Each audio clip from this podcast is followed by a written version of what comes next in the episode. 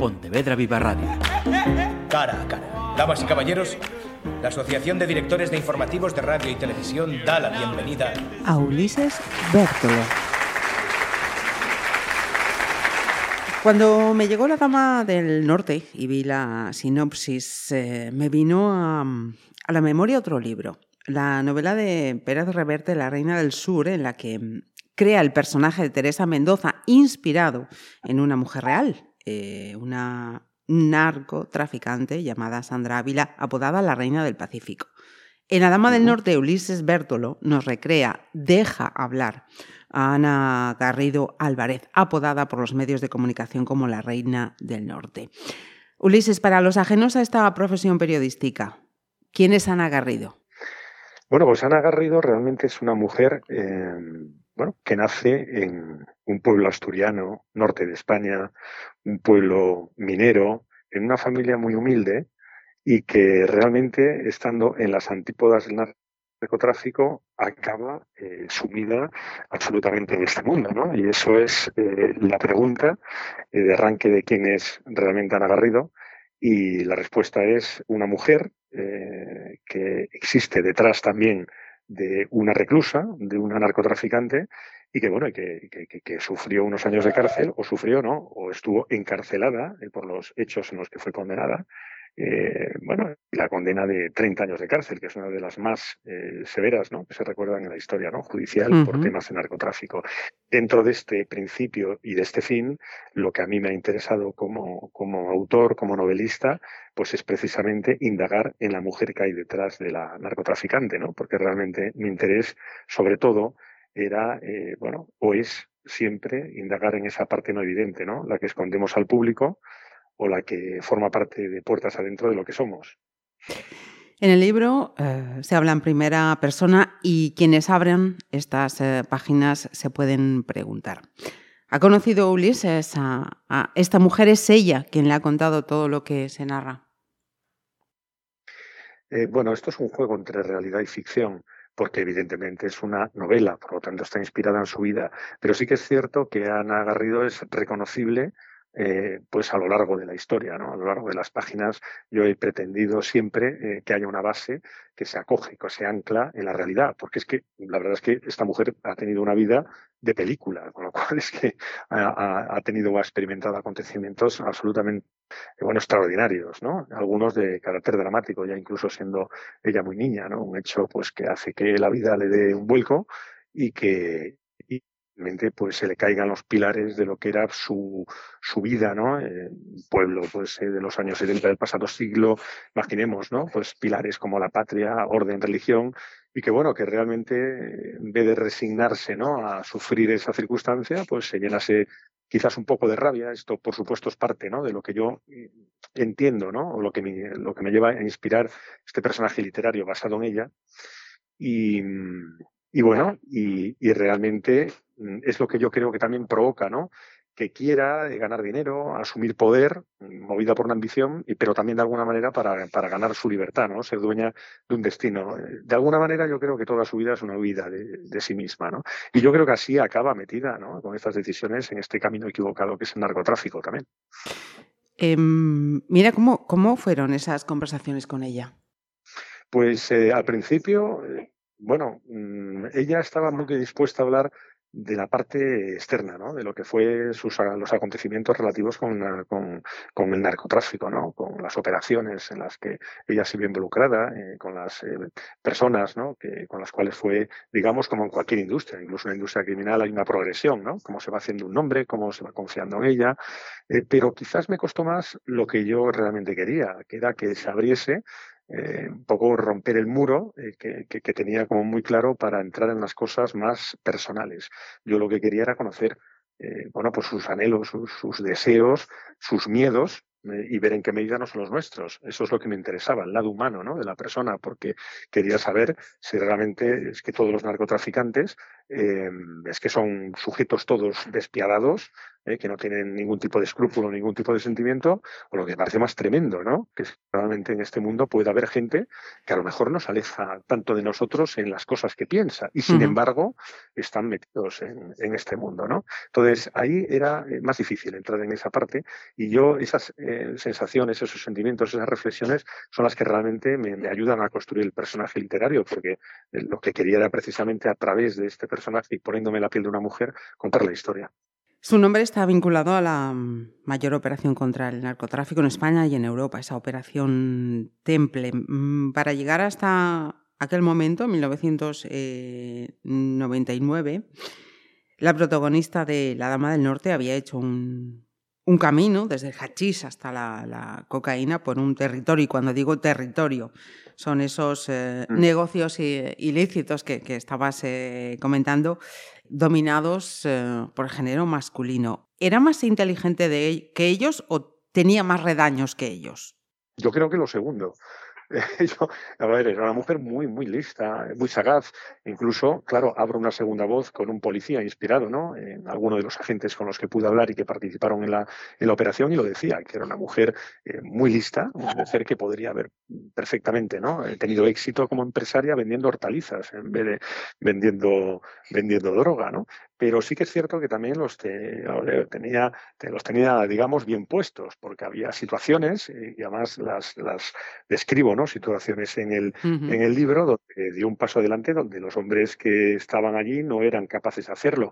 Yo, es que el miedo es un hilo conductor en esta historia, porque claro, el miedo pues aparece cuando, cuando realmente te pones a prueba, ¿no? Pones a prueba tus límites, ¿no? Si no, no serías una persona, en fin, ¿no? El miedo es algo normal eh, y, yo creo que tiene una capacidad de control del miedo eh, importante, ¿no? Y quizás eso puede también tener algo que ver con ese origen eh, humilde, ¿no? En una comunidad minera, ¿no? Donde la mina es casi como un monstruoso ser capaz de tragarse, ¿no? A cualquiera, ¿no? cuando le diera la gana. yo, creo que esa manera también de, haber entendido el mundo desde esa infancia también hace que haya construido una personalidad capaz de sobreponerse a la adversidad, eh, de, encararlo y, de gestionar un miedo, ¿no? Y eso me parece absolutamente bueno, pues mm, maravilloso, es que una mujer, si quiere, que también es eh, en el mundo del crimen igual o mejor que los hombres, ¿no? O sea que es algo que esto como novelista me parecía muy interesante indagar. Lo acabas de señalar, también hay otro personaje que, habla en primera persona, que es Rafael Medina, agente del, Cuerpo Nacional de, Policía. ¿Cómo han sido también esas eh, conversaciones con las fuerzas de seguridad? Y no sé si incluso ha sido más lejos, eh, porque en aquel caso también estaba Garzón.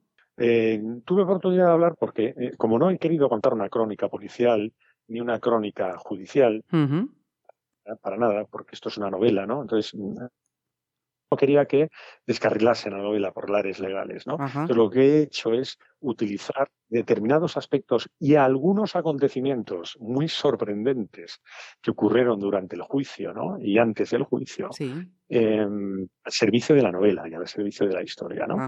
para no para, para no, no, quitarle esa naturaleza, ¿no? que, que sobre todo y esa visión ¿no? Eh, que, que, hago con esa primera persona y ese contrapunto, que es esa segunda voz de ese agente, para contar aquello que la protagonista no sabe, lógicamente, cuando se desencadena esto. Todas aquellas. Eso no significa que no me hubiera ido en los entresijos de la operación y hubiera tenido conversaciones y llegar a ver cosas como que, claro, hay agentes que están escuchando horas y horas y horas, ¿no?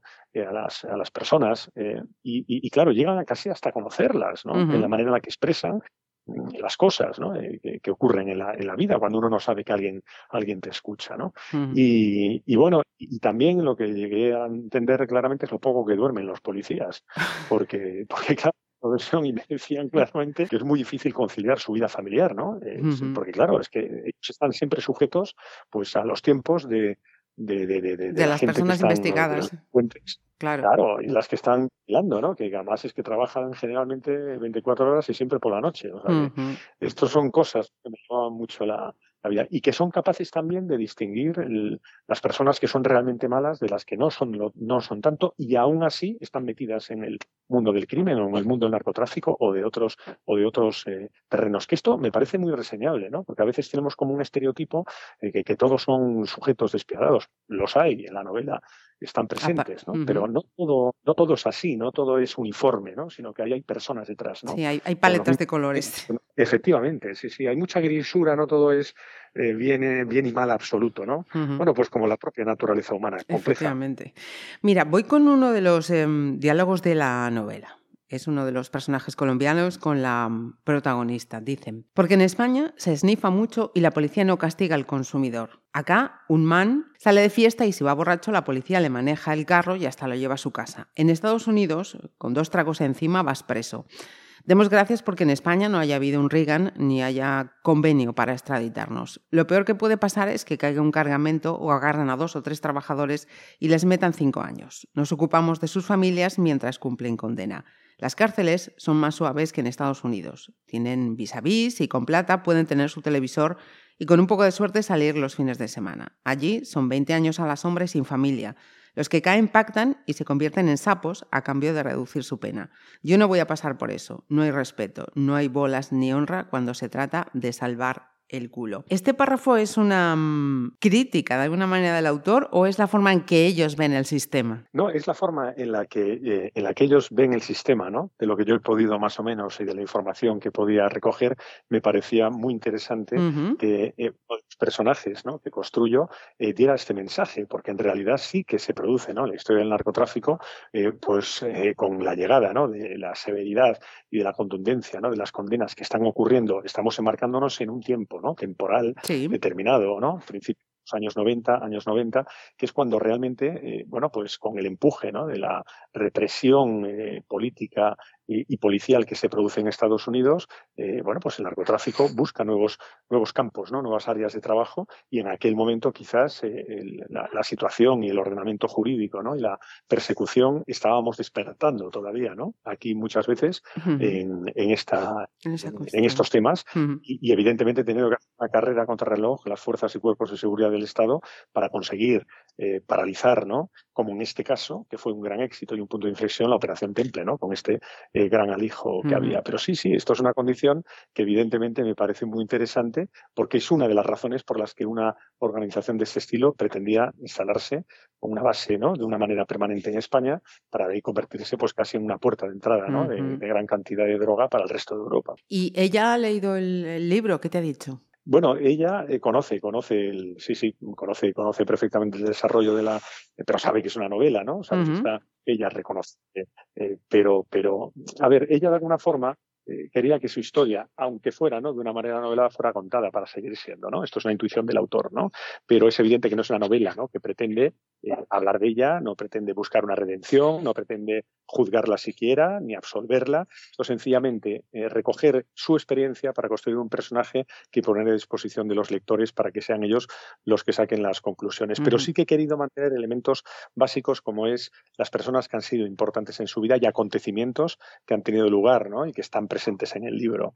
Eh, ante ellos su hijo, que, bueno, yo creo que es un, el único hombre que no, que, no la ha decepcionado ¿no? en su vida. Y luego las alianzas con, mujeres que han sido muy importantes. Una hermana con la que tiene un pacto desde muy pequeñita y luego pues, una mujer que se llama Camille, que se convierte, digamos, en algo así como la mujer en la que ella se querría convertir o hubiera querido convertirse. Esto de, haber sido, cuando se hiciera mayor, a lo mejor si no hubiera elegido un camino equivocado. Precisamente para terminar, la última pregunta quería referirme este personaje con un momento de, esta novela en la que le dice, sobrevive si es necesario, pero sé feliz. ¿Crees que ha podido ser así? Bueno, yo creo que ha sufrido mucho. Es evidente que las consecuencias que tienen los actos en los que, en los que se ha visto inmersa ¿no? en su vida han tenido consecuencias dramáticas. Pero ella, eh, recuerdo que me dijo en un momento eh, que era su vida y como tal aceptaba. Eh, fue su vida y no tenía nada que decir. Fue lo que le ha tocado vivir, ¿no? Entonces es muy responsable de lo que, de lo que hace y, bueno, pero esto no significa que evidentemente ha tenido situaciones bueno, pues difíciles, sobre todo la, ausencia del hijo, ¿no? En los años en los que su hijo tiene que crecer mientras ella cumple prisión. Yo creo que eso es la parte ¿no? humana eh, que se desarrolla con independencia de todo lo demás. Pues aquí lo vamos a dejar. Ulises eh, Bertolo, sabéis, ya en vuestras librerías La Dama del Norte. Muchísimas gracias por atendernos. A vosotros, muchas gracias. Pontevedra Viva Radio. ¿Me permiten que les haga un comentario como espectadores del programa Cara a Cara? Según un reciente sondeo de mercado, ustedes disponen de estudios e inteligencias superiores a la media. Sus intereses abarcan desde la actualidad mundial y la ciencia hasta el deporte y los espectáculos.